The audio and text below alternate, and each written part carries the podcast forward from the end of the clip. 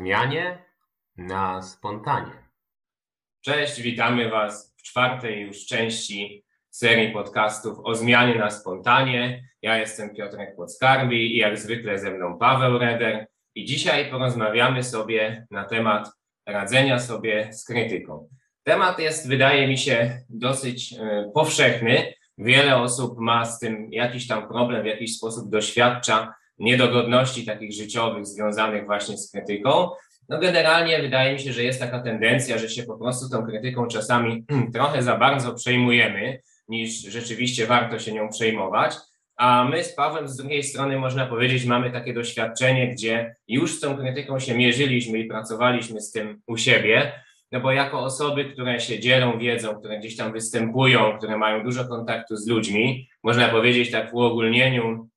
że jesteśmy takimi osobami eksponowanymi socjalnie, czyli mamy dużo takiej ekspozycji socjalnej, gdzie właśnie ludzie z jednej strony nas widzą, z drugiej mogą sobie swobodnie e, prowadzić na przykład jakieś w głowie oceny na nasz temat i je na przykład czasami wyrażać. Powstają właśnie takie oceny i, i opinie, więc z tym się też jakoś tam mierzyliśmy. No i temat wydaje mi się o tyle też ciekawy, że z jednej strony jako takie społeczeństwo, można powiedzieć trochę nowoczesne, często widzimy, jak dużo krytyki się leje, na przykład w internecie, gdzieś tam korzystając z anonimowości, a z drugiej strony, mimo tego, że widzimy, jak tej krytyki jest dużo, jak bardzo ona czasami jest nieuzasadniona, no to i tak jesteśmy często w stanie się bardzo, bardzo mocno nią przejmować. I na te tematy dzisiaj sobie porozmawiamy, a później zejdziemy troszeczkę głębiej, skąd w ogóle to może wynikać, że ta krytyka się u nas objawia, czy też reakcja na tę krytykę się objawia jakimiś bardzo silnymi emocjami. Więc tutaj przeanalizujemy to nieco dokładniej. No i myślę, że zaczniemy, Paweł, od tego, czym w ogóle krytyka jest, czyli jak tak mamy taką, ten, taką mm, powiedzmy konwencję, że na początku sobie wyjaśniamy główne pojęcie, o którym mówimy. No krytyka jest jako taka raczej intuicyjnym dosyć pojęciem, więc myślę, że na sam ten temat może nie będzie aż tak dużo do powiedzenia, więc może y, zróbmy takie pytanie, czym jest krytyka i czym jest w szczególności dla Ciebie konstruktywna krytyka? Okay, przede wszystkim witam serdecznie wszystkich. Bardzo dużo wątków poruszyłeś tak w następie, więc teraz mam do czego się odwoływać. E, natomiast tak, jeżeli chodzi o samą krytykę, to fajnie, że wspomniałeś, że ona jest po części takim, taką, można powiedzieć, nieodzownym elementem każdej drogi, ponieważ jeżeli robisz coś E, w połączeniu z dawaniem wartości socjalnie lub z ekspozycją na innych ludzi, gdzie chcesz im to dać, no to każdy oczywiście będzie miał jakiś swój, e, swoją opinię, jakiś swój punkt widzenia na to, co robisz, więc zawsze e, prędzej czy później spotkamy się z jakąś formą krytyki. Ona oczywiście może być różna. Może być to, tak jak powiedzieć, krytyka konstruktywna, może to być krytyka destruktywna. Jeżeli miałbym to Mm, na takim generalnym poziomie wytłumaczyć, jakie są różnice między jedną a drugą, to powiedziałbym, że dla mnie głównym taką składową, która jest zmienną w tym całym procesie, jest intencja, czyli jakie intencje ma osoba, która daje mi krytykę. Czy to jest intencja, która chciałaby mi w jakiś sposób pomóc i osoba, która w jakiś sposób mnie krytykuje lub ja lubię mówić, daje mi informację zwrotną, ponieważ krytyka kojarzy się dość tak negatywnie, bym powiedział z czymś od razu negatywnym, E, to są sytuacje, w których ktoś, jeżeli rozumie moje potrzeby, rozumie moje na przykład cele, w których dążę, to wręcz bym powiedział, że taka krytyka jest wskazana, bo mam parę osób w swoim życiu, którym powiedziałem, że chciałbym się do czegoś na przykład bardziej zmotywować i zależy mi na tym, żeby na przykład informowały mnie o tym, co sądzą o moim postępie w tym, e, w tym danym kontekście, ale wiem, że też to są osoby, które już mają w tych kontekstach pewne osiągnięcia i e, wiem, że ta, ta, ta komunikacja, która one, one, którą one mi dadzą, będzie po prostu wartościowa. Natomiast w takim, jakbym miał spojrzeć na swoje życie tak przez całe 30 lat, które do tej pory przeżyłem, to bardzo często spotykałem się z osobami, które krytykują, po pierwsze, nie chcąc w ogóle w żaden sposób mi pomóc, czyli wynikało to z pewnych e, problemów z, z, tym, że oni mieli pewne problemy wewnętrzne sami, sami ze sobą, e, a lub ta krytyka w ogóle nie wnosiła nic konstruktywnego. Co to znaczy? To znaczy, że nie mówili mi, co mógłbym poprawić, tylko krytykowali trochę dla samego krytykowania, czyli krytykowali trochę, że coś jest złe lub było to bardzo mocno właśnie generalizowane na, na jakiś poziom, że ja w ogóle jestem jakąś złą osobą, natomiast nie wnosiło, nie, nie było tam w ogóle elementu, co można by poprawić. Te osoby też z drugiej strony nie do końca moim zdaniem wiedziały, co mógłbym poprawić i w ogóle im na tym nie zależało. Więc takie są moje e, doświadczenia i taka jest też pokrótce moja definicja, jak rozróżnić po prostu krytykę konstruktywną od krytyki destrukcyjnej. E, więc e, no jeszcze może zapytam Ciebie, czy Ty chciałbyś coś do tego jeszcze dodać? No wydaje mi się, że bardzo to e, zgodnie z tym, jak ja to widzę, powiedziałeś. Także nie będę jakoś specjalnie rozwlekał wypowiedzi, ja tylko powiedział, że właśnie no, zgadzam się 100%, jeśli chodzi o tą intencję, że to jest bardzo ważne, no bo generalnie krytyka ma, ja, ja sobie to tak dzielę, że krytyka ma jakby taki aspekt informacyjny, no i ma aspekt pewien emocjonalny, czyli ma, ma, mamy z jednej strony właśnie taką informację, co może by było dobrze poprawić, no i mamy też taki element związany z tym, że na przykład odbierając tą krytykę, czasami się właśnie źle czujemy. No jeżeli intencja czyjaś była taka, żeby dodać nam pewnych informacji, żebyśmy po prostu mogli lepiej w świecie nawigować, coś poprawić, no to to jest jakby ta intencja pozytywna. Natomiast jeśli ktoś miał intencję taką, żebyśmy się gorzej poczuli po to, żeby on się poczuł lepiej, no to ta intencja już jest destruktywna, tak bym to ujął. No a właśnie co do samej formy, czyli ten drugi element, no to też w sumie to powiedziałeś, że ważne, żeby tam był taki konkretny wskaźnik, konkretna jakaś wskazówka, co ja mogę poprawić, a nie jakieś ogólne, typu na przykład, że twój kod jest źle napisany, tak programiści na przykład gdzieś tam czasami się krytykują, no to jeżeli ktoś nie wskaże, co w tym kodzie jest konkretnie źle, tylko gdzieś tam użyje sformułowania źle, do dupy, beznadziejny, no to tak naprawdę nie można z tego wyciągnąć żadnego wniosku, w którą stronę to poprawić i to już od razu często wskazuje na tą intencję, chociaż nie stuprocentowo, nie ze stuprocentową dokładnością. Czasami można się pomylić, czasami, czasami ktoś ma dobrą intencję, ale źle się komunikuje, ale często z samego przekazu, z samej formy, jeżeli ona jest taka właśnie ocenna, czyli nie dość, że ktoś e, mówi ogólnie, to jeszcze dorabia do tego jakąś historię, co my to nie jesteśmy w związku z tym i nie daje żadnej wskazówki, jak to poprawić, no to możemy się domyślać, że za tym stoi taka intencja raczej destruktywna bo po prostu komuś wcale nie zależy, żebyśmy się poprawili, bo nawet nam nie daje do tego narzędzi. Także tak, to właściwie powiedziałbym, że widzę to bardzo, bardzo podobnie jak ty. Natomiast mm, jak czasami tłumaczę ten koncept, bo też e, zdarza mi się na szkoleniach wspominać o tym, nie robię raczej szkoleń typowo z krytykowania, z krytykowania to już w ogóle, ale z powiedzmy radzenia sobie z krytyką, e, raczej z radzenia sobie ze stresem na przykład, no ale czasami krytyka jest przedmiotem stresu, przyczyną, więc e, Y, pojawia się ten koncept, no i ludzie mówią, no ale jaki tam element emocjonalny, gdzie tam jakby jest jakiś element emocjonalny? No to jest informacja, tak? No ja tłumaczę właśnie, że no emocje są czymś takim, czego doświadczamy, trudno jest to opisać, no i po prostu po czym to poznajesz? No po tym, że cię to w jakiś tam sposób boli, tak? Jeżeli jakaś krytyka cię boli, wywołuje w tobie emocje, no to to jest ten element, o którym tutaj jest mowa. On może jest mniej namacalny niż element informacyjny, chociaż pytanie, z jakiej perspektywy na to spojrzeć ale jakby ten ból właśnie jest gdzieś takim wyznacznikiem. No i pytanie, jakie od razu mi się tutaj nasuwa, żeby to też może słuchaczom przybliżyć, z czego to może wynikać właśnie ten, ten ból, to jak to widzisz, kiedy krytyka nas e, właśnie bardziej, e, najbardziej boli? Mhm. Myślę, że tutaj fajnie, że też nagraliśmy wcześniej poprzednie odcinki, które też gdzieś poruszyliśmy pewne tematy, na których możemy teraz bazować. Jeżeli chodzi o to pytanie, które mi zadałeś, to moim zdaniem boli nas krytyka w, szczególnie w obszarach, w których jest ona przypięta do poczucia wartości. Przede wszystkim, jeżeli jest to bardzo mocno zgeneralizowane, czyli doświadczenia, które ja miałem w swoim życiu, pierw może powiem o swoich, były takie, że czasem ktoś faktycznie zwracał mi uwagę na jakąś małą rzecz, którą robiłem, natomiast mój umysł potrafił to um, zgeneralizować, że w ogóle moja cała osobowość jest nie taka. Co to znaczy? Na przykład ym, pamiętam, że jak uprawiałem sport, y, jaki zaczynałem, miałem duży problem z bieganiem, czyli na przykład biegałem wolno, jak byłem w czasach, pamiętam, gimnazjum, liceum i ktoś mi powiedział, że źle biegam, nazwijmy to źle pod kątem techniki, pod kątem tego, jak robię, to komunikat, jaki ja słyszałem od tej osoby, nie był taki, żebym mógł poprawić coś z bieganiem i w tym drobnym elemencie mojego życia, aspekcie, czy jakim jest bieganie, robię coś źle, tylko bolało mnie to, bo ja sobie to zniekształcałem, że a, to jeżeli źle e, biegam, to znaczy, że prawdopodobnie jest coś ze mną nie tak i automatycznie sam na siebie robiłem atak na swoje poczucie wartości. E, więc uważam, że przede wszystkim, jeżeli nie mamy jeszcze przepracowanego poczucia wartości i są tam jeszcze jakieś przekonania, e, które obniżają nam te poczucie wartości, które sobie stworzyliśmy w przeszłości, to będzie to bardzo mocno skorelowało z tym, jak słyszymy krytykę innych osób,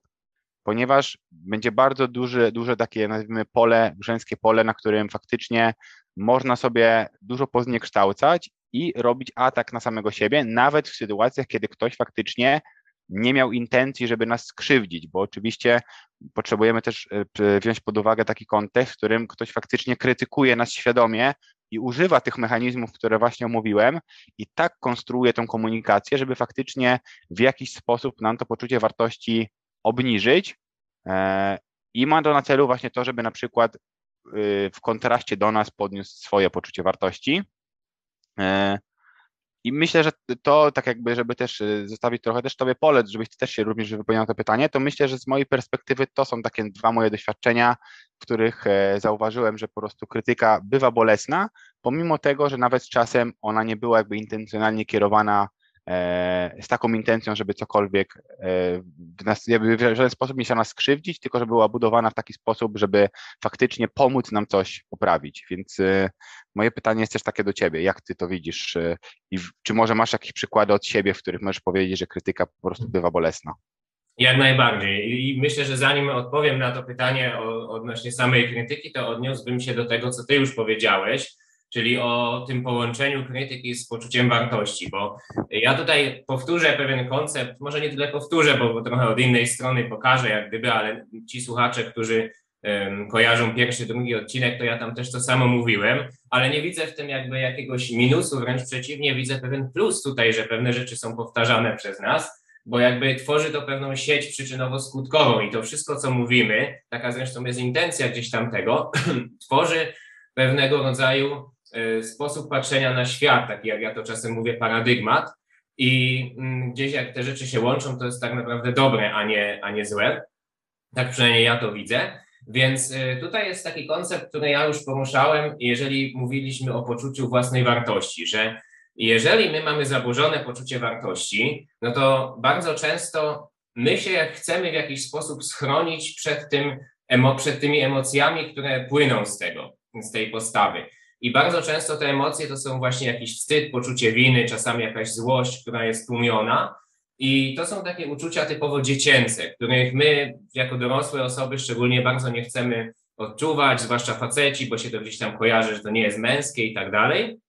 Co jest bzdurą według mnie oczywiście, no ale programowanie społeczne nam to wmawia. No i teraz kwestia jest taka, że żeby nie odczuwać tych emocji, to bardzo często budujemy wokół siebie jakiś taki wyidealizowany wizerunek, czyli pewien obraz siebie, którego, do którego staramy się dopasować, na przykład jakiegoś tam alfa mężczyzny, takiego samca, który jest dominujący, albo na przykład jakiejś pięknej kobiety, albo na przykład intelektualisty, albo coś w tym rodzaju, gdzie te wszystkie obrazy mogą trochę nas opisywać jako część osobowości, ale my tworzymy taką tarczę jak gdyby wokół siebie, która mm, ma, ma nas chronić przed odczuwaniem tych emocji związanych z zaburzonym poczuciem wartości i zaczynamy się w pełni utożsamiać z tym wizerunkiem, no bo tylko wtedy on działa.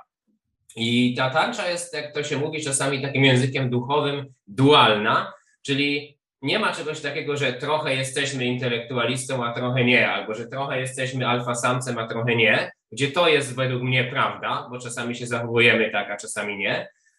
Natomiast ten wizerunek jest taki dualny, czyli mamy albo albo. No i w momencie, kiedy się pojawia krytyka, no to ten wizerunek natychmiast zostaje zaburzony. Ten wizerunek jakby natychmiast e, jest e, zaatakowany. My czujemy, jakby ten wizerunek się rozpadał pod wpływem tej krytyki i mamy jakby coś do bronienia, zaczynamy tego wizerunku bronić, no bo jeżeli go nie obronimy i on się zawali, no to te wszystkie emocje, od których uciekaliśmy, te dziecięce związane z poczuciem wartości zaburzonym, jakby wypłyną, zaleją nas wtedy i ta tarcza musi cały czas być podtrzymywana przy życiu, zaczyna funkcjonować jako taki trochę oddzielny byt e, i my jej potem bronimy. I teraz istotne jest to, że jeżeli mamy ten wizerunek tak, w taki absurdalny, iluzoryczny sposób e, zbudowany,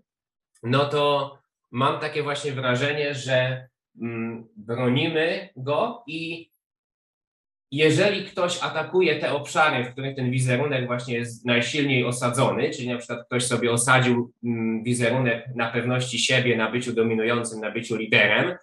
no to jak ktoś na przykład mu mówi, że słuchaj, jesteś spięty, albo słuchaj, jesteś e, na przykład niepewny siebie, albo tutaj coś e, zrobiłeś w sposób uległy, to ten ktoś zaczyna właśnie czuć bardzo silne emocje, bo one są związane z tym, że ten wizerunek się gdzieś tam zawala. Także połączenie z poczuciem wartości widzę właśnie w taki sposób, bo, bo to w sumie może nie, nie, nie wybrzmiało jasno, a, a trzeba by to było podkreślić, że po co w ogóle ta historia, którą opowiedziałem, no po to, że gdyby na, na samym początku tej historii to poczucie wartości nie było zaburzone, tylko byłoby zdrowe, to nie byłoby potrzeby w ogóle budować tego wizerunku. Albo nawet jakbyśmy go budowali, to on byłby dużo bardziej osadzony w rzeczywistości i dużo bardziej funkcjonalny, czyli by służył nam po to, żebyśmy na przykład wiedzieli, że ja nie jestem prezydentem, w związku z czym na przykład nie mogę sobie wejść gdzieś tam do jakiegoś biura, tylko jestem Piotrek czy Paweł, ale to byłoby funkcjonalne, a nie na zasadzie ja jestem tym czy tamtym, żeby się lepiej czuć. Więc to połączenie poczucia wartości z krytyką jest bardzo ważne, bo jak mamy zdrowe poczucie wartości, to nie budujemy tego wizerunku, nie utożsamiamy się z nim, w związku z czym różne rzeczy ludzie mogą mówić na nasz temat, a my tego nie bronimy, bo nie mamy czego bronić. Ja tak to widzę. Super przykład.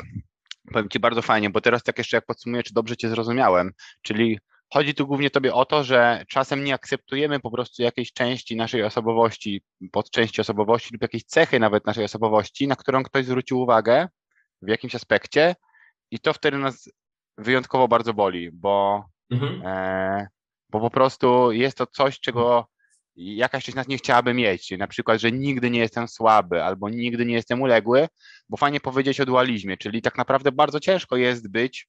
E, taką jedną wielką, spójną osobowością przez, e, przez każdą sekundę swojego życia. Poza tym byłoby to moim zdaniem bardzo niefunkcjonalne, bo jak nawet o tym teraz pomyślę, to w tym kontekście nawet jak ty coś mówisz, a ja czegoś nie rozumiem, to zakładam, że mogę być e, kolokwialnie mówiąc głupi, czyli że czegoś nie wiedzieć, ale dzięki temu jestem w stanie się czegoś nauczyć. Natomiast e, są konteksty życia, gdzie po prostu mam jakąś wiedzę i w tym kontekście mogę powiedzieć, że jestem mądry. Natomiast nie mógłbym, myślę, też jednoznacznie powiedzieć, że na przykład jestem albo głupi, albo mądry, bo jest to też bardzo mocno zależne od sytuacji. Tak, no to e bo prosiłeś, żebym troszkę dojaśnił, to, to mam... Tak, tak. Mhm. Dobra, okej, okay, bo tak, e, to w zasadzie co powiedziałem, ja uważam, że zrozumiałeś tak, e, nawet nie trudno powiedzieć, że dobrze czy źle, tylko po prostu zrozumiałeś taka, tak, w jaki sposób ja bym to też rozumiał. Taka była moja intencja, więc zrozumiałeś zgodnie z tym, co ja chciałem przekazać, także myślę, że to fajne podsumowanie. I tak naprawdę to, co ty mówisz, że jeżeli nas samych bolą jakieś obszary, w życiu, które są na przykład niezbyt ogarnięte, my sami uważamy, że one nie są dobrze, jakby nie do, wystarczająco dobrze zapanowaliśmy nad tymi obszarami, no to krytyka w tych obszarach nas będzie bolała bardziej. Czyli to jest jakby ta bardziej taka powierzchnia, ale rzeczywiście jakby to się bardziej jeszcze zagłębić, to dlaczego my uznajemy, że te obszary są takie zaniedbane? No bardzo często właśnie z tego względu, że z jednej strony chcielibyśmy mieć taki wyidealizowany wizerunek, więc bardzo wysoko są wymagania co do tego, jak mm, by musiało to wyglądać, żebym ja to oceniał jako zadbane, a z drugiej strony y, jest ta warstwa jakby pierwsza, którą staramy się schować, uchronić, czyli to, jak jest w tej chwili. No i im większa jest ta rozbieżność między tym, jak powinno być naszym zdaniem, a jak jest, no i jeszcze jak to jest podpięte do poczucia wartości, no to tym większe są emocje. No i właśnie tak jak tutaj mówiłeś właśnie o tym, że właśnie mądry czy głupi, no to ja tak samo miałem y, z, właśnie z kwestią jakichś ataków na inteligencję na przykład, że do mnie się to też nie przyklejało, w sensie jak ktoś mi by powiedział, e, Piotrek, ty debilu, jesteś kompletnie głupi, nie umiesz łączyć rzeczy ze sobą, nie umiesz się uczyć, wolno się uczysz czy coś takiego, no to jak ktoś by mi coś takiego powiedział, to się to ode mnie odbijało jak ping-pong, bo przez całe życie miałem informację, że jednak z moją inteligencją wszystko jest ok, co żeby było jasne, nie oznacza, że uważam się za osobę nieomylną. Paradoksalnie właśnie przeciwnie, ponieważ jakieś ataki na inteligencję by się do mnie nie przyklejały emocjonalnie, to ja tym chętniej się pochylałem nad feedbackiem na temat na przykład tego, że coś zrobiłem źle, albo źle się czegoś nauczyłem, albo źle coś rozumiem, bo się to nie przyklejało do emocji, w związku z czym byłem w stanie się pochylić nad tym jakby merytorycznie. Ale na przykład jak ktoś by mnie atakował już, jak pracowałem swego czasu bardzo nad pewnością siebie, i ktoś by mnie atakował na poziomie właśnie, że jesteś, słuchaj, spięty, jesteś kłodą drewna na tej imprezie, wszyscy się z ciebie śmieją, no to by mnie na pewno zaatakował dużo bardziej, bo tutaj był obszar, którego nie byłem pewien, więc Więc tak, tak, tak, to też widzę podobnie jak, jak ty. Okej, okay, fajnie. No ja też tak to, to bardzo podobnie mam. Czyli uważam, że jak są obszary w życiu, które są dla nas ważne, albo zachowania, które chcielibyśmy mieć, z jakich powodów jeszcze nie mamy strategii, żeby je zdobyć, to faktycznie są to takie podatne grunty, gdzie można nas e, skrytykować i faktycznie ta krytyka będzie dla nas e, bolesna, bo sami mamy świadomość tego, że to jest istotne i sobie nie umiemy z tym poradzić. Myślę, że też możemy osób, które zaczynają oglądać nasze podcasty od tego zachęcić do tego, żeby mogły sobie wrócić do naszych pierwszych dwóch odcinków, gdzie mówimy właśnie o poczuciu wartości, pewności siebie, bo tam na pewno też będziecie mogli dostać więcej informacji w tych tematach, bo szczegółowo skupiliśmy się tylko na tym. Natomiast jakbyśmy mieli przejść teraz jeszcze dalej, to ja bym Cię zapytał, tak naturalne mi się pojawia pytanie, z jakich powodów w ogóle ludzie krytykują, lub można powiedzieć inaczej, po co oni to robią? Jaki mają cel w tym, żeby nas krytykować albo krytykować innych ludzi?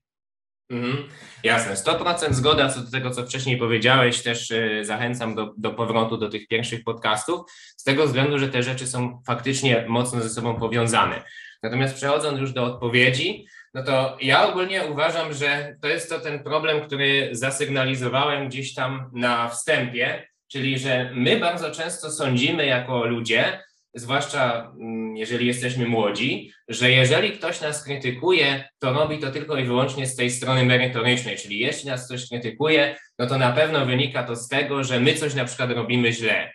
A tymczasem według mnie to jest zupełnie niesłuszne stwierdzenie, bo oczywiście będzie czasami tak, że ktoś nas atakuje dlatego, że y, gdzieś tam coś y,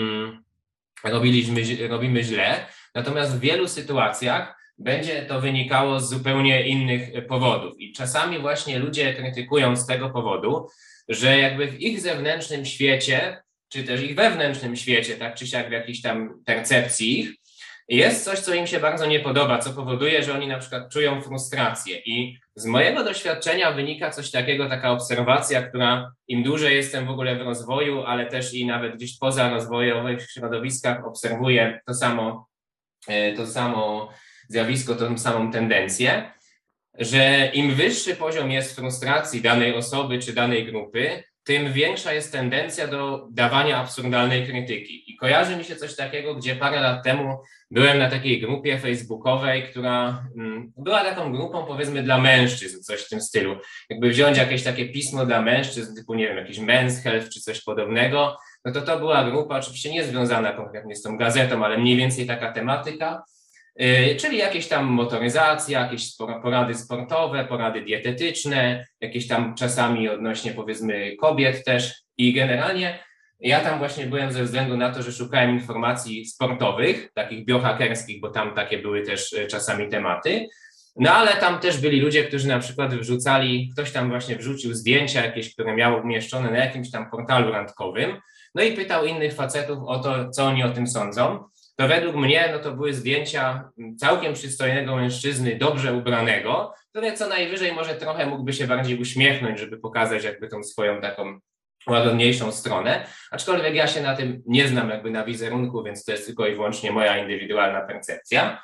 A gość został po prostu zjechany do suchej nitki przez tych ludzi, którzy tam oceniali te zdjęcia. I w moim odczuciu po prostu wynikało to z zazdrości tych ludzi, bo może oni, nie wiem, nie wyglądali tak dobrze jak ten chłopak, albo coś tam mieli przeciwko i po prostu go zjechali kompletnie destruktywnie, jakby, czyli nie dość, że intencja była zła, to jeszcze te słowa, którymi tam opowiadali, były ocenne, były ogólne bardzo, czyli wszystko to, co złe wyczerpaliśmy jakby wcześniej, no to tam to było, a jednocześnie ja miałem informację, jakby taką percepcję tej grupy z wcześniejszych postów i z wcześniejszej, powiedzmy, pozio- z wcześniejszego poziomu, yy, z wcześniejszego yy, poziomu takiej kultury dyskusji, można by wnioskować, że właśnie poziom frustracji tych ludzi był bardzo wysoki. Nie wiem, z czego to wynikało, ale generalnie tak można byłoby to e, ocenić. No i tu był też taka dla mnie taka wskazówka, że niby grupa, gdzie sobie pomagamy, a tak naprawdę, ponieważ był dobry, ponieważ był wysoki poziom frustracji, no to trudno było jakiś dobry e, feedback taki konstruktywny, tylko właśnie wylewała się ta ta e, krytyka destruktywna z całej tej grupy. I podobnie jest na przykład na grupach dotyczących inwestowania bardzo często, gdzie z kolei tam są ludzie sfrustrowani, bo stracili dużo pieniędzy i ktoś czasami wychodzi z jakimś pomysłem, to też bardzo często będzie tam zjechany. Nie mówię, że zawsze, bo są fajne grupy, ale niektóre są bardzo hejterskie. no i po prostu gromadzą troli, którzy stracili kupę kasy na rynku i jak ktoś wychodzi z pomysłem, to nie doczeka się konstruktywnej krytyki i to jest w sumie dosyć kluczowe, co chcę powiedzieć, dosyć kluczowe, no kluczowe, bo y, celem tych ludzi nie jest, i to jest ważne, wyrażenie opinii, wyrażenie informacji, dodanie czegoś poprawa właśnie tego, żeby ktoś coś dobrze robił, tylko celem tych ludzi jest wyrażenie emocji, które w nich siedzą, po to, żeby przez chwilę czuli się lepiej. Więc tak to odbieram, jakby stąd często ludzie właśnie e, według mnie innych e, krytykują, czyli podsumowując tą wypowiedź, ja widzę bardzo dużą relację, korelację między poziomem frustracji danej osoby czy grupy, a mm, destrukcyjnością krytyki, e, która od nich płynie. Mhm, okej, okay, fajnie. No ewidentnie ja też tak jeden z przykładów, które miałem właśnie tak podać, to był podobny do tego, więc tego akurat nie użyję, natomiast też widzę właśnie korelację z tym, że jeżeli są pewne emocje, na które nie pozwalamy sobie przeżywać tych emocji i one się gromadzą w nas w środku, no to niestety, ale często nieświadomie przez osoby, które nie robią tego świadomie, są one właśnie wylewane w różnych miejscach podatnych na, na krytykę, gdzie mogą to zrobić, bo ten przykład akurat, gdzie podałeś, no to też o tyle te osoby miały łatwiej, że też ktoś poprosił o tą krytykę i mimo tego, że one nie posiadały żadnych kompetencji w tym zakresie, lub można kwestionować, czy posiadały kompetencje, bo tego też nie wiemy w sumie, to i tak były skłonne, żeby dać jakąś negatywną krytykę, czyli raz, że było to zbudowane niekonstruktywnie pod kątem komunikacyjnym, a drugi raz jeszcze jest duże, du, duże pytanie, czy w ogóle te osoby posiadały jakąkolwiek e, wiedzę na temat tego, e, jak powinno, jak powinien wyglądać dobry styl, a nawet jeżeli posiadały, to moim zdaniem jest to tak szeroki temat, że jest to po prostu coś bardzo zindywidualizowanego. To znaczy, że ubiór jest tak naprawdę tylko i wyłącznie moim zdaniem nasz, bo to jak ty się ubierzesz, czy jak ja się ubiorę, to jest pewne wyrażenie naszych wartości, pewne wyrażenie naszej osobowości. I na dobrą sprawę można by powiedzieć, że jeżeli mamy na świecie 7 miliardów ludzi, to każdy by mógł ubrać się inaczej, byłoby to ok, bo w jakiś sposób by siebie wyrażał. Oczywiście, jeżeli mamy pewne konteksty, na przykład biznesowe, gdzie są pewne nazwijmy to standardy lub pewne, pewien ubiór, który jest mile widziany, bo może ci dać pewną przewagę biznesową lub takie są po prostu wymogi grupy. No jest to oczywiście inny kontekst i tam faktycznie można dawać jakiś feedback na temat wyglądu. Natomiast jeżeli pytamy o na przykład relacje z kobietami, to moim zdaniem e, autentyczność zawsze będzie taką cechą numer jeden, bo po prostu taka osoba będzie e, zwracała uwagę tych osób, które będą w stanie polubić e, lub na pewnym poziomie też pokochać ją taka, jaka jest naprawdę, a nie kogoś, kto jest jakimś, jakimś e, nazwijmy to tworem e, różnych technik i połączeniem różnych, różnych konceptów w jeden, że tak naprawdę jest taką trochę sztuczną, napompowaną osobowością, a nie jest kimś prawdziwym. Natomiast to, co jeszcze chciałem dodać, to myślę, że oczywiście tych powodów, dlaczego ludzie krytykują, może być wiele, na pewno ich nie przeanalizujemy wszystkich. Natomiast coś, co mi się jeszcze pojawiło, to również to, że widzę, że dużo osób ma albo tak mocno zbudowany właśnie prototyp tego swojej osobowości, czyli to, co ty mówisz o tarczy, czyli tego, kim ma być i jak ma wyglądać, że często też nie potrafią zaakceptować u siebie pewnych cech i jak widzą te cechy u innych osób, to też bardzo ich to kuje w oczy, bo z jednej strony chcieliby to mieć, albo właśnie brak tych, tych cech, że nie pozwalają sobie na przykład na pewne zachowania, że nie pozwalają sobie na pewne zasoby emocjonalne, sprawia, że ta energia właśnie kotuje się gdzieś w nich w środku. Natomiast gdy widzą osoby, które to robią, to zamiast spojrzeć na nie jako taki właśnie model kogoś, od kogo można się tego nauczyć, to bardzo często naturalną ich reakcją jest to, że też krytykują, ponieważ nie potrafią zaakceptować siebie w takiej wersji, jak ktoś pokazuje, więc moim zdaniem to też jest bardzo e, przyciągające e, hejt. Natomiast coś, nad czym też dalej jakbyśmy mogli się zastanowić, to jest w ogóle w jaki sposób, jak już mamy przyjmować tą krytykę lub nazwijmy to informację zwrotną, to w jaki sposób to robić i przede wszystkim od kogo taką krytykę przyjmować, czyli jakbyś zdefiniował właściwe osoby do tego, żeby mogły E, kogoś krytykować lub żeby ta krytyka po prostu była wartościowa i w jaki sposób e, stworzyć taki komunikat, żeby on był po prostu konstruktywny. Mm-hmm. Myślę, że na pewno te osoby, które są jakimś ekspertem w danej dziedzinie, one powinny mieć pierwszeństwo do tego, żeby krytykować, czy może nawet do tego, żeby wypowiadać swoje zdanie, a my mieć bardziej pierwszeństwo w kierunku tych osób, co do tego, czy ten feedback przyjmować. No bo właśnie bardzo często jest tak, że szczególnie w dobie internetu i tych wszystkich grup facebookowych, no to czasami się tak wydaje, że mm, jak facet jest y, jakiś czas w rozwoju i na przykład coś tam o tym czytał, to już nagle się staje ekspertem od zarabiania, ekspertem od kurczę, podrywania w nocnym klubie, ekspertem od y, ubioru, ekspertem od wszystkiego, bo, bo obejrzał parę filmików. No i tutaj trzeba odróżnić y, kwestię taką właśnie, kto jest takim prawdziwym ekspertem, bo spędził jakiś tam dłuższy czas na pewnych aspektach, na doskonaleniu pewnych aspektów swojego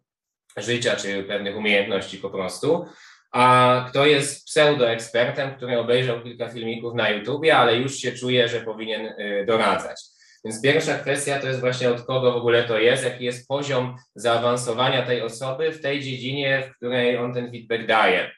Natomiast też myślę, że bardzo ważny jest ten komunikat, jak to jest skonstruowane. Ja na przykład lubię taki model, który mówi o faktach, uczuciach, konsekwencjach i oczekiwaniach. To jest FUKO w skrócie, można sobie to wygooglać, gdzie na przykład właśnie bazując na tych czterech elementach ja formułuję krytykę do drugiej osoby i ona powinna, znaczy może nie, że powinna, ale mogę bardziej oczekiwać, mogę mieć znacznie większe prawdopodobieństwo, że ta krytyka będzie odebrana w sposób taki właśnie informacyjny, a nie emocjonalny. Pewności oczywiście nie mam, ale prawdopodobieństwo jest diametralnie inne. No i na przykładzie takim mogę to podać, że Załóżmy, że ktoś by przyszedł trzeci raz na coaching i odwołał ten coaching 20 minut przed sesją, no to ja na przykład powiedziałbym coś w rodzaju, że słuchaj, trzeci raz z rzędu odwołałeś coaching 20 minut przed sesją, no i ja poczułem złość w związku z tym, czyli tu mówię o, wcześniej mówiłem o faktach, tu mówię o uczuciach, bo inna osoba mogłaby korzystać w tym czasie z mojego, z mojej przestrzeni, z mojej jakiejś tam wiedzy, a tak naprawdę tego nie robi, no bo ty odwołałeś za późno, czyli to są konsekwencje. No i w związku z tym prosiłbym Cię następnym razem, żebyś coaching, jeżeli już chcesz odwołać, to co najmniej 6 godzin przed sesją odwołał, bo wtedy ja może znajdę kogoś innego. Akurat no, to jest taki przykład, który osobiście mnie jakoś by nie dotyka, ale przyszedł mi po prostu do głowy, więc y, tak bym mógł to powiedzieć, a na przykład ktoś, kto krytykuje w sposób y, destruktywny i czyjej krytyki bym nie przyjmował, no to powiedziałby coś w rodzaju na przykład, że słuchaj, w ogóle nie szanujesz mojego czasu, nie chcesz się tak naprawdę rozwijać, udajesz, że się rozwijasz, do niczego nigdy nie dojdziesz, tracisz swoją kasę, nie masz szacunku do własnego czasu, gdzie nagromadziłem w takim krótkim y, zdaniu ogrom o cenności, y, tak naprawdę historii, które sobie w głowie dorobiłem, generalizacji to wszystko wyplułem na kogoś. Tak więc jakbym taki feedback dał, no to nawet jak mam rację w pewnym sensie, chociaż też nie za bardzo lubię to pojęcie, mam rację, raczej mówię, że jestem bliższy prawdy, no ale powiedzmy, że ktoś odwołał ten coaching, więc faktycznie ja tutaj w pewnym sensie upominam się o coś właściwego, to mimo tego, że, że tak by było, to jakbym użył takiego ocennego komunikatu, to byłaby to też taka destruktywna krytyka. No i takiego czegoś ja nie zachęcam przyjmować, bo to jakby płynie wtedy ze złego miejsca. Natomiast y, no zawsze można się starać, jeżeli ktoś nam daje bardzo taką ogólną opinię, to pytać, y, powiedzieć na przykład, wiesz co, no widzę tutaj w tym jakąś część merytoryczną, a widzę też jakąś część historii, które do tego dopowiedziałeś i prosiłbym Cię o to, żebyś dał mi konkretne wskazówki, jak mogę to wykorzystać, co Ty zaobserwowałeś, żeby robić to następnym razem lepiej. I, yy, i też czasami możemy zmienić tę krytykę bardziej w stronę tej konstruktywności. No ale na pewno y, przede wszystkim brałbym krytykę od ludzi, którzy robią to w sposób konstruktywny i którzy są ekspertami w danej dziedzinie. Także tak ja to widzę, a, a pytanie, jak to widzisz ty? Mhm. Znaczy ty dość mocno wyczerpałeś, szczerze mówiąc, ten temat. Bardzo mega fajna jest ta strategia. Też ją znają chyba trochę w innej formie, ale ona jest, przede, może zacznę też od tego właśnie, bo ona jest bardzo fajna, to co powiedziałeś, bo po pierwsze nie przerzuca emocji na drugą osobę, czyli nawet jak w tym przykładzie podałeś, że ty czujesz złość, to jest to bardzo duże rozgraniczenie, że to jest twoja złość, która się pojawiła i ona jest następstwem pewnych faktów, które stały się na skutek działań tej osoby, czyli też nie, nie, nie, drugą częścią tej strategii jest to, że nie nacechowałeś tego, że to jest dobre czy złe jednoznacznie, natomiast pokazałeś, że ma to pewne, takie zachowanie ma pewne konsekwencje i te konsekwencje oddziałują na ciebie e, i są powiedzmy w dalekiej przyszłości albo w bliższej przyszłości niepożądane przez ciebie, czyli starałbyś się uniknąć, więc to jest bardzo fajne, bo to jest też moim zdaniem mega edukacyjna strategia, czyli jakby w taki sposób ludzie się ze sobą komunikowali, to dużo więcej mogliby się od siebie nauczyć, przede wszystkim mogliby się też nauczyć siebie wzajemnie, bo rozumieliby swoje reakcje emocjonalne na pewne zachowania i rozumieli, jakiego partner, partnerka, znajomi się, przyjaciele zachowają w tych kontekstach e, i rozumieli by również ten przyczyn, przy, przy, e, tą, tą strukturę konsekwencji, a nie, że coś jest z góry dobre lub złe. Natomiast jeszcze wracając do tej pierwszej części tego pytania, czyli od kogo brać tą krytykę, to tak, no ty powiedzieć dużo o ekspercie. Ja oczywiście jestem z tym 100% zgodny, natomiast jakbym mógł rozwinąć ten wątek, to jedyne, co chciałbym tutaj dodać, to to, e, że po prostu jeżeli mamy, załóżmy, świadomy wybór, gdzie chcemy być w naszym życiu. Bardzo łatwo mi to jest obrazować na sporcie, ponieważ sport jest taką, nazwijmy no, namacalną płaszczyzną, gdzie mamy bardzo jasne rezultaty, czyli na przykład ktoś, kto chodzi na siłownię, trenuje jakiś sport, gra w piłkę, ma pewny, jest to pewien zbiór umiejętności, który trzeba opanować, żeby być w tej dyscyplinie dobry, e, dobrym. No i naturalne jest to, że w, w takich kontekstach mamy tendencję do szukania specjalistów, czyli to trenera personalnego, czy to idziemy do akademii piłkarskiej i mamy trenera od piłki nożnej, czy to jak trenowałem na przykład jiu-jitsu, to miałem trenera, który też to robił latami, znał po prostu szereg technik i wiedział, co trzeba zrobić w danym momencie walki, żeby przeciągnąć, nazwijmy to szale na swoją stronę. I to było takie dość oczywiste, że słuchamy się wtedy rad tej osoby i ona może powiedzieć, że coś źle robię,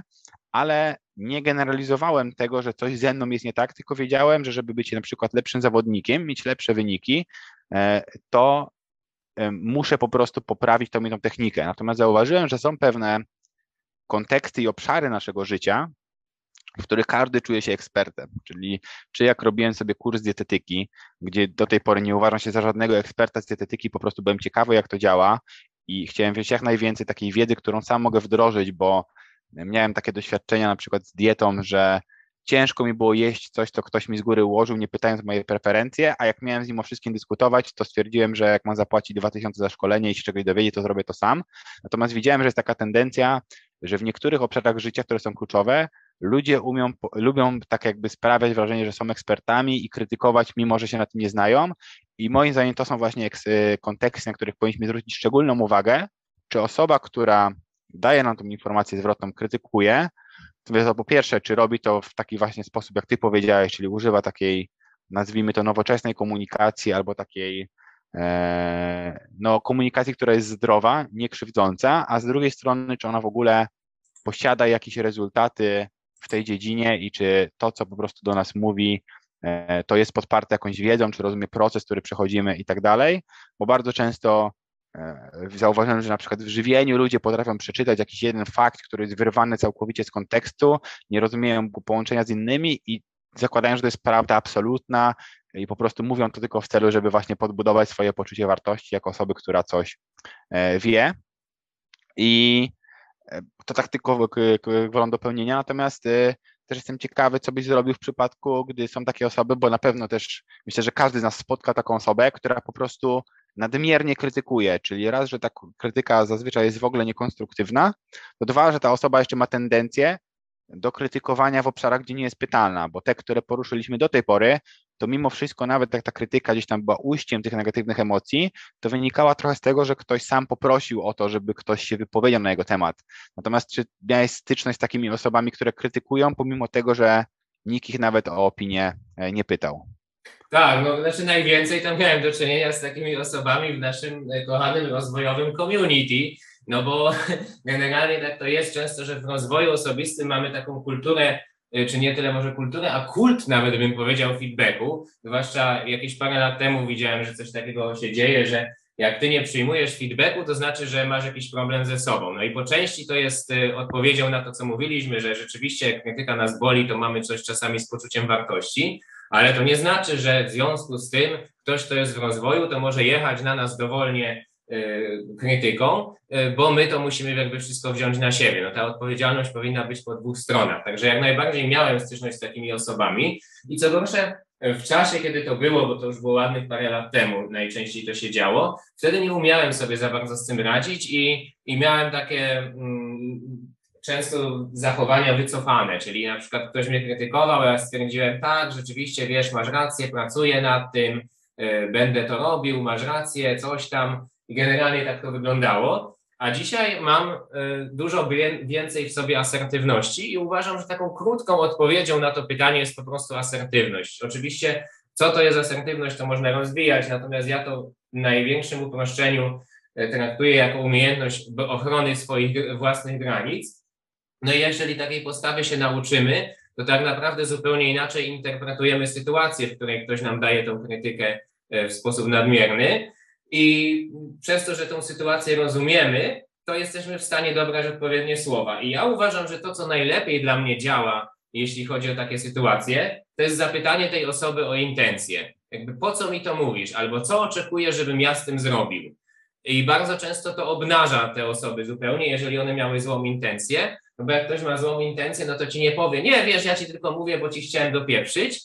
tylko gdzieś tam zaczyna się błąkać w jakichś racjonalizacjach, wybija ją to ze stanu i ty już możesz jakby statusowo gdzieś tą osobę wtedy zdominować, jeżeli, jeżeli ktoś ma powiedzmy większe jakieś takie pojęcie o, o takiej grze statusowej. E, ale nawet dla osób, które nie mają takiego pojęcia i nie praktykują tego jakoś dużo, to wydaje mi się, że po prostu zapytanie o intencje tutaj często wyłączy w ogóle kompletnie tego krytyka, bo on jest wtedy zbity z tropu, on nie wie, co ma zrobić. Bo, dlaczego? No, z prostej przyczyny, bo nikt nigdy tak nie reagował. Wszyscy zazwyczaj byli albo atakujący, albo unikający. A tutaj ty z partnerskiego poziomu jakby pytasz, hej stary, ale po co mi to mówisz? Jaka jest intencja tego? I moim w moim odczuciu 80% przypadków to załatwia. Także tak bym powiedział, nie wiem jak ty to widzisz. Aha.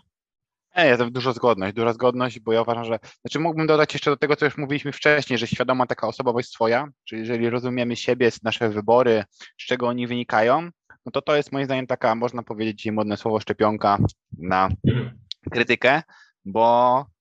wynika to po prostu z tego, że rozumiemy siebie i, i, mamy taki filtr tego, co bierzemy. I oczywiście e, w takim e, najprostszy skrót to powiedzieć, czyli asertywność, czyli wyznaczanie granic. No i jak, jedyne, co mógłbym tutaj dodać, to takie widziałem tendencje. Ja też kiedyś miałem, żeby nie podejmować walki z takimi osobami, to się mówi walka ze strolem, Mhm. Szczególnie w,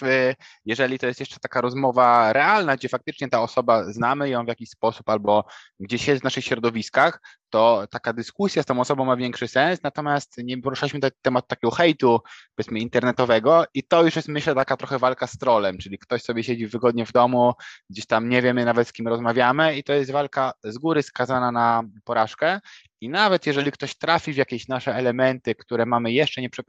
przepracowane, to warto wtedy sobie zwrócić na nie uwagę, samemu z nimi popracować, a nie wchodzić w dyskusję z taką osobą e, i po prostu świadomie zakomunikować, że to nie jest miejsce ani czas na to, nie masz ochoty w tym momencie, żeby taką krytykę przyjmować, że jesteś otwarty na krytykę, ale niekoniecznie od tej osoby i niekoniecznie w tym momencie e, Twojego życia. I właśnie tak jakby to, co powiedziałeś, czyli zbudować swój status, pokazując na to, że pokazując na to, że, że umiesz to zakomunikować świadomie i nic ci to nie robi, ale po prostu masz swoje własne preferencje i jak chcesz, żeby ta sytuacja wyglądała. E, no oczywiście moglibyśmy analizować takie skrajne sytuacje, na przykład krytykuje jakiś nie wiem, lider grupy w czasach takich, gdzie budują się na przykład jakieś społeczności, jak liceum, gdzie mamy, nie, nie mieliśmy dostępu do wielu osób, które e, były statusowe, czyli na przykład otaczaliśmy się ciągle wśród jakiejś powtarzalnej grupy osób i był w tej grupie jakiś lider i ten lider na przykład krytykował pewne osoby i dodatkowo miał ogromne poparcie grupy, która za nim stała. No to są skrajne przypadki, bo wiadomo, że wtedy bardzo ciężko być asertywnym, no ale myślę, że to nie jest też taki temat na ten podcast, żebyśmy tak dużo omawiali, bo, bo trochę to wykroczyło poza ramy tego, co, co chcielibyśmy dzisiaj omówić.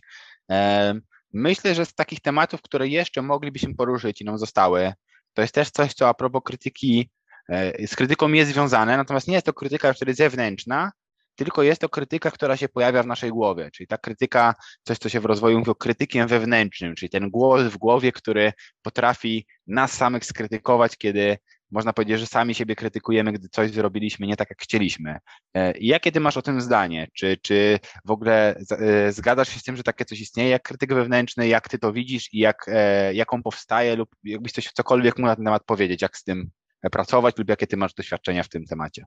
Okej, okay. ja może tak troszkę przewrotnie odpowiem, bo, bo mam takie wrażenie, że gdzieś mocno przechyliłem dzisiaj taką szalę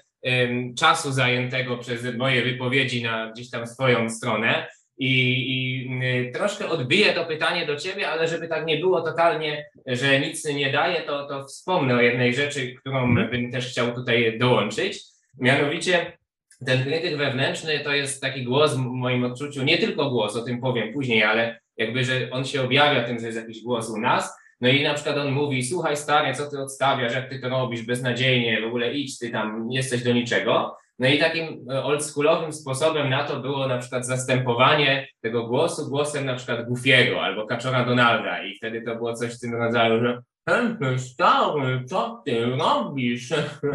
I trudno było takim głosem się jak gdyby przejmować, więc to było takie rozwiązanie jeszcze ze szkoły NLP,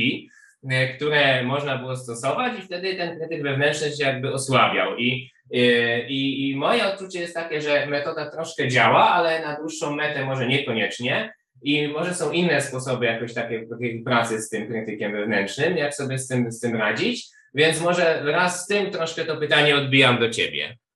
Dobra, super. Wiesz co, bo ja akurat mam sporo doświadczeń z krytykiem, ponieważ mm, jak- szukałem genezy, bo ja miałem dość dużo trudności z krytykiem i bardzo siebie krytykowałem, zresztą do tej pory jeszcze y, są momenty, kiedy to robię.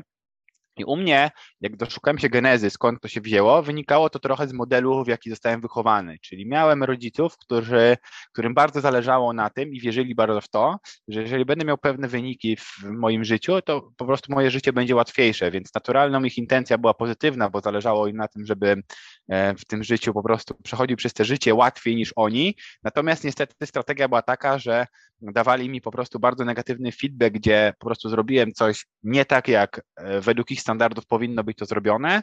a gratyfikowali mnie, albo wręcz w ogóle nie gratyfikowali mnie, gdy e, robiłem to powiedzmy na dobrym poziomie, bo to było zakładane, że tak powinno po prostu być. I moim zdaniem właśnie krytyk wewnętrzny powstaje głównie poprzez nasz model, w jaki jesteśmy wychowywani, i wtedy nazywa się to nawet popularnie introjekcją rozwoju, czyli pojawia ten głos, który był wcześniej głosem zewnętrznym, czyli na przykład głosem rodziców, głosem mamy, głosem taty, który do nas mówił e, i oceniał nasze zachowanie e, w konkretnych, e, w konkretnych obszarach naszego życia, nagle zostaje wdrożony do naszej głowy i mimo to, że mamy wrażenie, że gadamy sami do siebie, to tak naprawdę są to komunikaty, które były tworzone kiedyś e, przez kogoś w naszym życiu, bo tutaj bardzo ograniczyłem to do rodziców, natomiast najczęściej są to rodzice lub osoby, które, z którymi mieliśmy bardzo dużą i powtarzalną styczność e, przez pewien okres naszego życia. Zresztą też mówiliśmy o tym trochę w modelach e, rzeczywistości. I myślę, że praca z krytykiem jest po pierwsze zauważanie go, czyli to, co ty powiedziałeś, że trudność tej techniki, którą ty podałeś ze zmianą głosu, bo ona też działa świetnie, bo obniża nasz ładunek emocjonalny, on już nie jest taki hardkorowy, natomiast no, wymaga tego, żebyśmy za każdym razem zauważali tego krytyka. E, Jeżeli było to nasilone, to jakbym zalecił większą pracę z kimś już, kto mógłby popracować na jakiejś części naszej osobowości i popracować z tą częścią, która bardzo mocno krytykuje, bo zazwyczaj jest to po prostu część jednego z naszych rodziców, która jest gdzieś tam głęboko w naszej głowie. Mm, No i ewidentnie w wielu sytuacjach życia mi to po prostu przeszkadzało, czyli tworzyło to nadmierne standardy i brakowało mi po prostu luzu i tego, żebym mógł coś robić z dużym dystansem do, do tego działania, które podejmuję. Przez to presja, która się niepotrzebnie tr- tworzyła, jeszcze bardziej napinała moje ciało i powodowała, szczególnie w takich sytuacjach socjalnych, czyli to, co robimy, jest związane właśnie z komunikacją, z tym, że dużo łatwiej się e, komunikować, gdy jestem w stanie takiego luzu, a nie gdy jestem e, dość spięty. E, Więc to bardzo mocno mnie oddziaływało i też wpłynęło na to, że, że chciałem z tym e, pracować. E, I przede wszystkim właśnie zmiana swojego modelu rzeczywistości to było dla mnie rozwiązaniem, czyli e, wejście w ten problem głębiej, zrozumienie, jakie tam są przekonania nabudowane, praca na tych emocjach, praca na, na tych przekonaniach i zmienianie tego e, i dawanie sobie po prostu takiej większej przestrzeni na luz i na to, żeby e, po prostu nie musieć być perfekcjonistą w każdej dziedzinie lub jeżeli pomylę się w jakimś, w jakimś kontekście, to co rozmawialiśmy wcześniej, to jest to całkowicie ok, mam do tego prawo, ale wyciągać z tego jakiś feedback i brać na to, z tego lekcje na przyszłość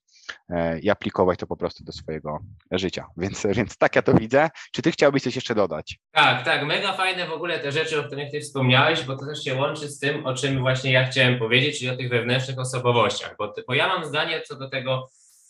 zmieniania tego głosu bardzo podobne do, do tego, co ty powiedziałeś. Czyli też uważam, że na dłuższą metę lepsze są takie rozwiązania właśnie oparte na wewnętrznej integracji um, tych osobowości, niż na jakiejś siłowej dyscyplinie, bazującej na samodyscyplinie, zmianie tego głosu na przykład właśnie, tak? Oczywiście to, co mówisz, też y, pokazuje pewną istotną prawidłowość, mianowicie, że czasami skuteczność tej metody nawet nie tyle jest przez to, że my tam włożymy Goofiego czy Kaczora Donalda, tylko przez to, że zauważamy to w porę. I to jest właśnie moim zdaniem 50% skuteczności tej metody, to, to w tym nie jest, że to, nas, że to nam pozwala wcześniej to wykrywać. Natomiast e, ja bym zrobił takie jeszcze małe wprowadzenie tutaj troszkę dla naszych słuchaczy e, odnośnie w ogóle tych wewnętrznych osobowości, bo mam wrażenie, że to może być temat po pierwsze trochę nieznany, a po drugie taki, który może budzić pewnego rodzaju kontrowersje, bo u mnie też budził. Mianowicie, że to się może na przykład kojarzyć z jakąś ezoteryką albo jakimś takim pseudonaukowym podejściem, że są jakieś wewnętrzne osobowości. I ja na przykład miałem takie wyobrażenie, że wewnętrzna osobowość to jakiś bullshit jest, no bo co, bo to jakiś ludzik we mnie siedzi, to w głowie go mam, czy on gdzieś tam w niebie jest, czy, czy, czy to jak w kreskówce tam aniołek, diabełek, czy co to w ogóle jest tak naprawdę, czy to jest jakaś część mózgu konkretna, która za to odpowiada. No i dopóki tego nie zrozumiałem, to miałem duże wątpliwości względem tej metody, a jest to metoda według mnie bardzo skuteczna w pracy ze sobą, czy nawet myślę, że w kontekście terapeutycznym, chociaż tutaj nie mam takiej wiedzy, żeby to jakoś mm, bardzo stanowczo podkreślić, że, że na pewno tak, ale wydaje mi się, że, że również tak przynajmniej hobbystycznie, co to śledzę, no to uważam, że w terapii też, ale na pewno w jakiejś pracy takiej coachingowej, to ta metoda się sprawdza. I te wewnętrzne osobowości, to my właśnie często uważamy, że to jest jakaś tam osoba, tak, w głowie mała, mały człowieczek, a tak naprawdę to jest coś takiego, że my jako ludzie mamy bardzo różne potrzeby. I ponieważ mamy bardzo różne potrzeby i jeszcze te potrzeby zapewniamy sobie w bardzo różny sposób, no to realizacja, strategia realizacji jakiejś konkretnej potrzeby będzie bardzo często związana z konkretnym stanem umysłu, który wiąże się właśnie z realizacją danej potrzeby w taki, a nie inny sposób. Czyli na przykład, jeżeli ktoś ma potrzebę uwagi i realizuje ją zawsze jako osoba na przykład będąca głośna, będąca głośną, będąca taką, która się w grupie zachowuje właśnie w taki sposób, że nie sposób jej nie zauważyć, no to taka osoba będzie miała pewne zasoby, na przykład jakby takie pobudzenie bardziej ciała, czy jakiś dostęp do głębszego, głośniejszego głosu, czy na przykład właśnie myśli, które będą generowały jakieś e, rzeczy, które ona może powiedzieć, żeby być zauważoną. No i ten stan umysłu, czy ten stan biochemiczny, to wszystko, co opisałem, jest właśnie tą wewnętrzną osobowością, czyli ta wewnętrzna osobowość, to jak dla mnie to jest taki trójkąt, strategia, potrzeba, zasoby czyli czy nawet bardziej powiedziałbym potrzeba, strategia, zasoby. Czyli z jednej strony jest to kontekst, który nam odpala pewną potrzebę, który powoduje, że my chcemy jakąś potrzebę zaspokoić. Z drugiej strony jest to strategia, czyli sposób, jak to chcemy zaspokoić. I z trzeciej to są zasoby, które ta osobowość ma. Czyli na przykład właśnie taki imprezowicz, można by to określić. Y, no o A odpala się w kontekście, kiedy potrzebujemy uwagi, B Y, ma strategię zaspokajania tej uwagi poprzez bycie głośnym i C ma do tego zasoby takie jak na przykład dostęp do głosu, do nieco większej kreatywności i tak dalej, y, większy niż na przykład inne osobowości, które są bardziej wycofane i odpowiadają za realizację innych potrzeb. I to jest jak dla mnie ta wewnętrzna osobowość.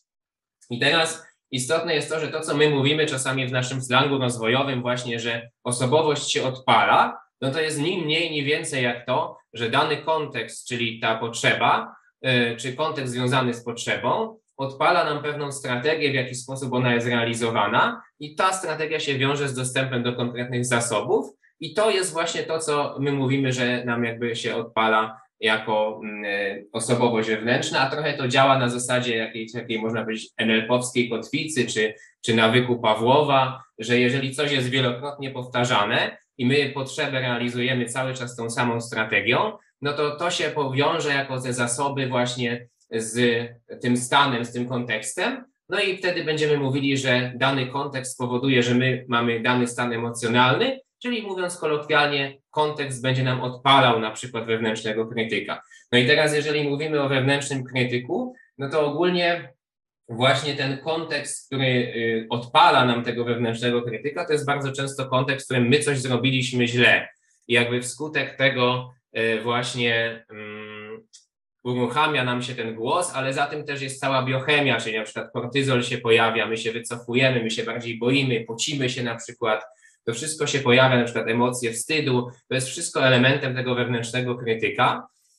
albo nawet bardziej może jakiejś agresji, a wstyd już jest na przykład odpowiedzią jeszcze innej w ogóle osobowości. I tutaj powstaje ten cały koncept, który jest nazywany jako internal family system. I dużo osób mówi, że no EZO, EZO, jakieś tam nie pseudonauka, a tak naprawdę już y, Freud czy, czy wielu innych cytowanych w psychologii akademickiej, czy Eric Bern na przykład pisali przecież o wewnętrznych osobowościach, jest to jak najbardziej koncepcja gdzieś tam wzięta właśnie z nauki, tylko że nie można tej osobowości rozumieć jako człowieczka małego, tylko trzeba to rozumieć jako stan umysłu, który jest odpowiedzialny za realizację danej um, potrzeby. No i bardzo często ta osobowość krytyka wewnętrznego jest osobowością mocno niedojrzałą, ponieważ osobowość ta powstała zazwyczaj we wczesnym dzieciństwie, no a im wcześniej osobowość powstała, to jeżeli ona nie ewoluuje miarę upływu czasu, no to po prostu będzie niedojrzała, czyli będzie się komunikowała z nami w sposób taki bardzo prymitywny, nazwijmy to. I cała praca nad y, krytykiem wewnętrznym polega też na tym, żeby jakby doprowadzić tą cząstkę krytyka wewnętrznego do dojrzałości. Natomiast o to, co jeszcze bym Cię chciał zapytać, bo, bo kojarzę, że, że Ty to fajny, fajny sposób wyjaśniałeś i odnośnie krytyka wewnętrznego, e, to jest taka koncepcja pozytywnej intencji. W jaki sposób możemy to wykorzystać? Tak, no bo to jest też zrobić bardzo fajny teaser pod przyszły odcinek, aż bardzo duży, szczerze mówiąc, bo to jest na pewno temat, który warto, żebyśmy omówili, czyli część osobowości, więc ja już nie będę tego drążyć. Natomiast e, jakby kończąc ten wątek właśnie z krytykiem, to faktycznie no ten brakujący element to jest jeszcze właśnie intencja pozytywna, czyli zrozumienie tego, że po pierwsze ta każda część, którą omówiłeś ma jakąś intencję pozytywną, czyli ona wierzy, że, że ta strategia, której używa jest na ten moment najlepsza, którą, którą może e, użyć i jest to robione po to, żeby zaspokoić jakąś potrzebę. I tak samo ma krytyk wewnętrzny, czyli nasz krytyk wewnętrzny nie jest po to, żeby nam przeszkadzać w życiu i szkodzić, tylko jego intencją jest nam pomóc, czyli on wierzy w to, że jeżeli zepnie nasze ciało, że jeżeli nas zmobilizuje, że jeżeli nas um, skrytykuje, to będzie w stanie nas zmobilizować i zmotywować do tego, żebyśmy włożyli więcej wysiłku i pracy w zrobienie jakiegoś zadania, czyli żebyśmy się lepiej do niego przyłożyli. Natomiast e, nawiązując do tego, co ty powiedziałeś, że to jest część, która jest zazwyczaj niewyewoluowana czy niedojrzała i to wiąże się z tym, że używa całkowicie niefunkcjonalnej strategii komunikacyjnej, którą jakby my używamy sami mówiąc do siebie w naszej głowie, to wpływa to na to, że po prostu osiągamy efekt odwrotny do tego, który chcielibyśmy osiągnąć. Czyli założenie krytyka było takie, że jeżeli do nas to zakomunikuje, to będzie w stanie zmobilizować tą drugą część naszej osobowości, która na przykład teraz wykonuje zadanie i wpłynie na nią w taki sposób mobilizująco, że ona po prostu włoży w to więcej e, pracy, więcej wysiłku, użyje lepszej strategii, przygotuje się w przyszłości lepiej, dzięki czemu będzie w stanie zrealizować swoje założenia. Natomiast w praktyce często osiągamy efekt odwrotny, czyli powodują, powstają bardzo duże napięcia, które wręcz utrudniają skończenie tego zadania e, na takim poziomie, jakim było, czyli jeszcze bardziej obniżają nasz performance, i dodatkowo powodują niechęć w przyszłości do e, podejmowania kolejnych prób, ponieważ obawiamy się tego, że takie napięcie znowu się pojawi i że będzie to dyskomfort, którego naturalnie e, ludzkie ciało i umysł chciałby uniknąć. E, więc tyle. Myślę, że już nie ma sensu też drążyć tego krytyka wewnętrznego więcej. Jeszcze jeden temat taki nam został, który też widzę, to jest, czy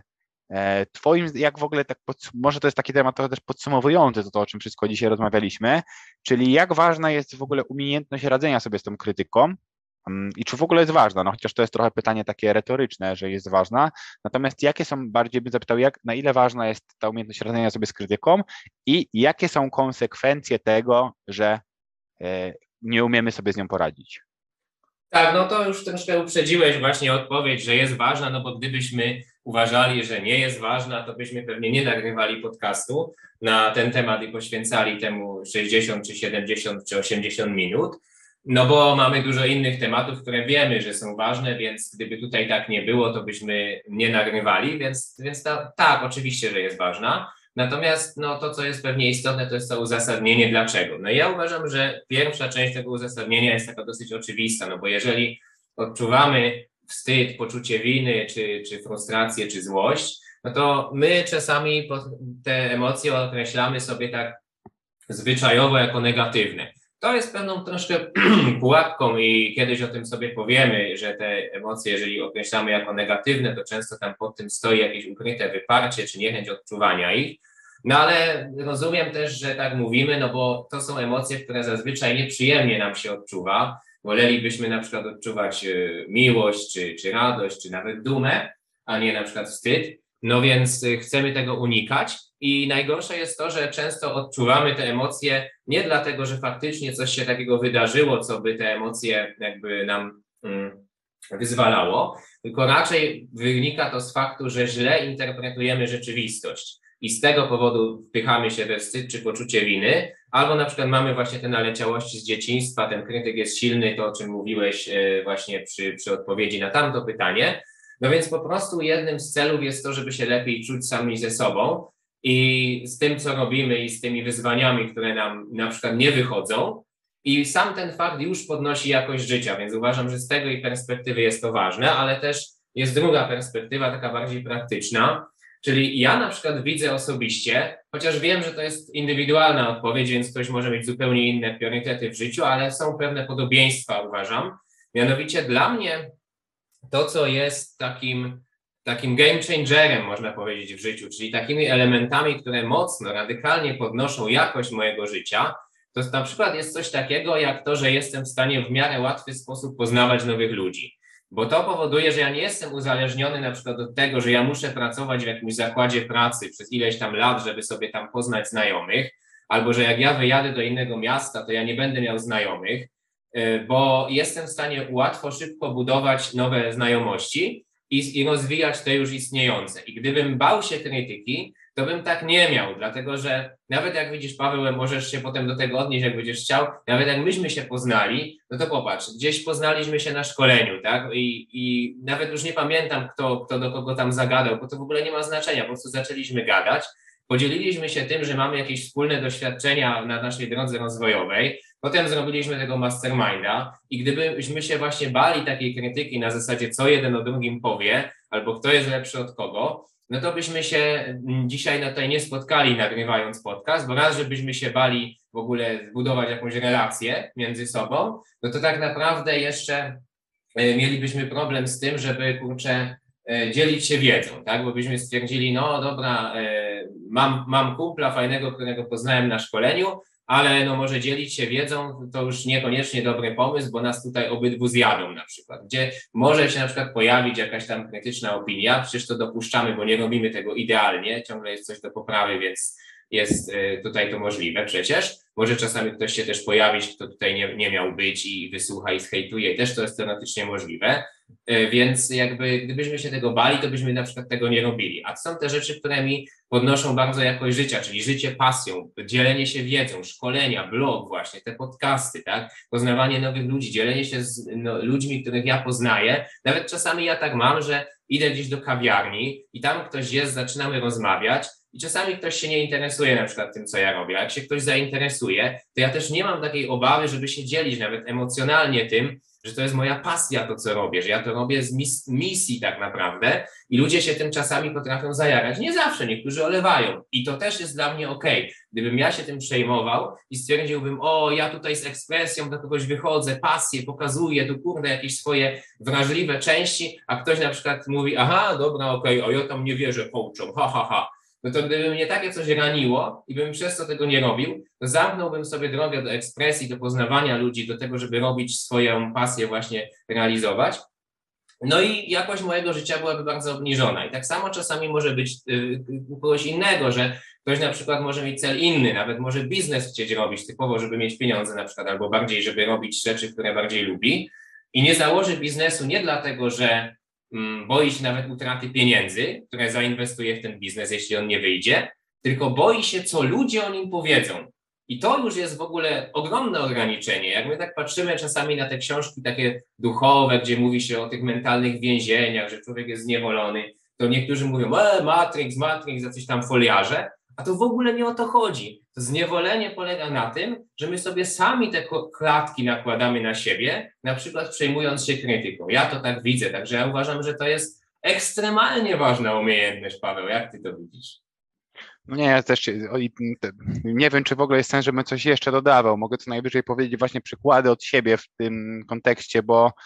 no ja też tak miałem, widzę, że ta wolność taka duża, że masz swobodę, że masz przede wszystkim no, samoświadomość i nie rani cię krytyka i pozwalasz sobie na swoją autentyczność.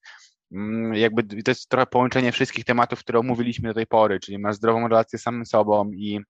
możesz się wyrażać, to jakość życia i przechodzenie przez życie w ten sposób jest po prostu no, nie do opisania po prostu, jak, jak dobre jakościowo jest życie w momencie, kiedy krytykujemy sami siebie i bierzemy krytykę innych osób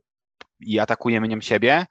E, jedyne, co jeszcze tu mogę powiedzieć właśnie a propos mastermindów, że to nawet jedna część to jest właśnie to, że się nie boimy krytyki, a wręcz ja bym powiedział w drugą stronę, że to nawet eksponujemy się na pewną informację zwrotną, bo taka trochę była idea mastermindu, czyli żeby spotkać się z osobami, które są nieco z innych tematów, mają nieco inne spojrzenie, ale mimo wszystko interesują ich podobne obszary i wymieniać się spostrzeżeniami i nawet wzajemnie się krytykować, ale właśnie w zdrowy sposób, dzięki czemu możemy wzrastać. Czyli jest to też chyba przykład, którego użyłem w poprzednim podcaście, albo jeszcze w poprzednim opowieści siebie, że ja nie patrzę na siebie nigdy jako na skończony produkt bo to jest uważam też duże mentalne więzienie, że muszę ciągle być jakiś, tylko staram się patrzeć na życie jako na proces, w którym ciągle się mogę nauczyć czegoś nowego i z każdej życiowej sytuacji e, coś zauważyć, zauważyć jakieś na przykład swoje ograniczenia, dzięki czemu będę w stanie ich zmienić, je zmienić e, i dzięki temu nawet jeżeli pojawia się taka krytyka gdzieś tam w życiu lub sam sobie e, gdzieś się pojawię, to raczej jest ona konstruktywna, wyciągam z niej wnioski i to też jest dla mnie forma radzenia sobie z nią, czyli żebyśmy nie poszli w skrajność, że w ogóle nie przyjmowanie żadnej krytyki i bycie takim, e, nazwijmy to, osobą, która jest bardzo, ma zamknięte klatki i wierzy tak bardzo w swój obraz, że w ogóle nie chce, nie, za, nie zauważa sygnałów w świecie zewnętrznym, tylko balans pomiędzy właśnie tym, żeby mieć tą zdrową i świadomą osobowość, a z drugiej strony przyjmować tą informację zwrotną i wykorzystywać ją do tego, żeby jeszcze bardziej wzrastać, porzucać pewne niefunkcjonalne, niedziałające już strategie i schematy i po prostu iść tym w górę. Tak bym to podsumował.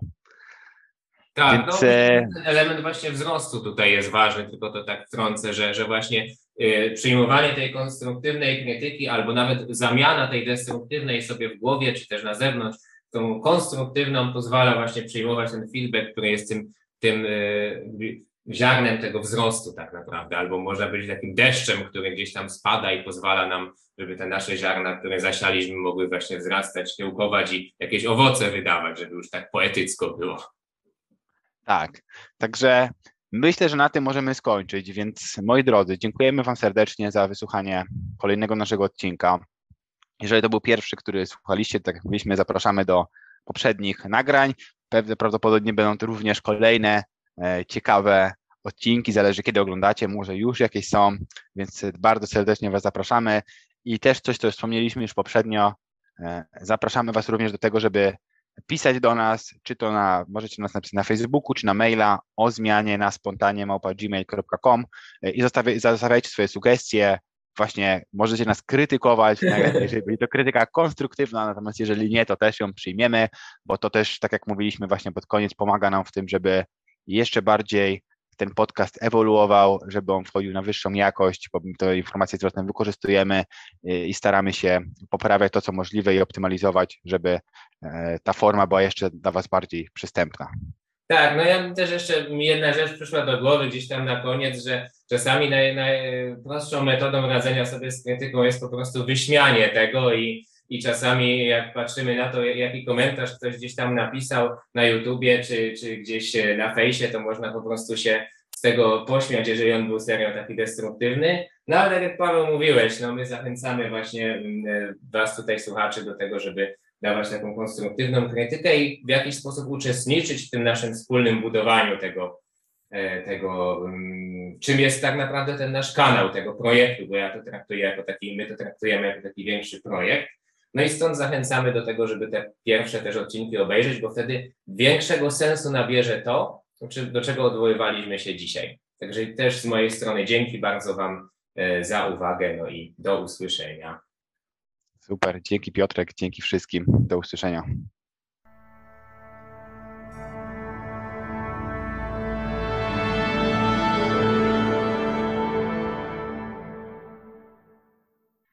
O zmianie na spontanie.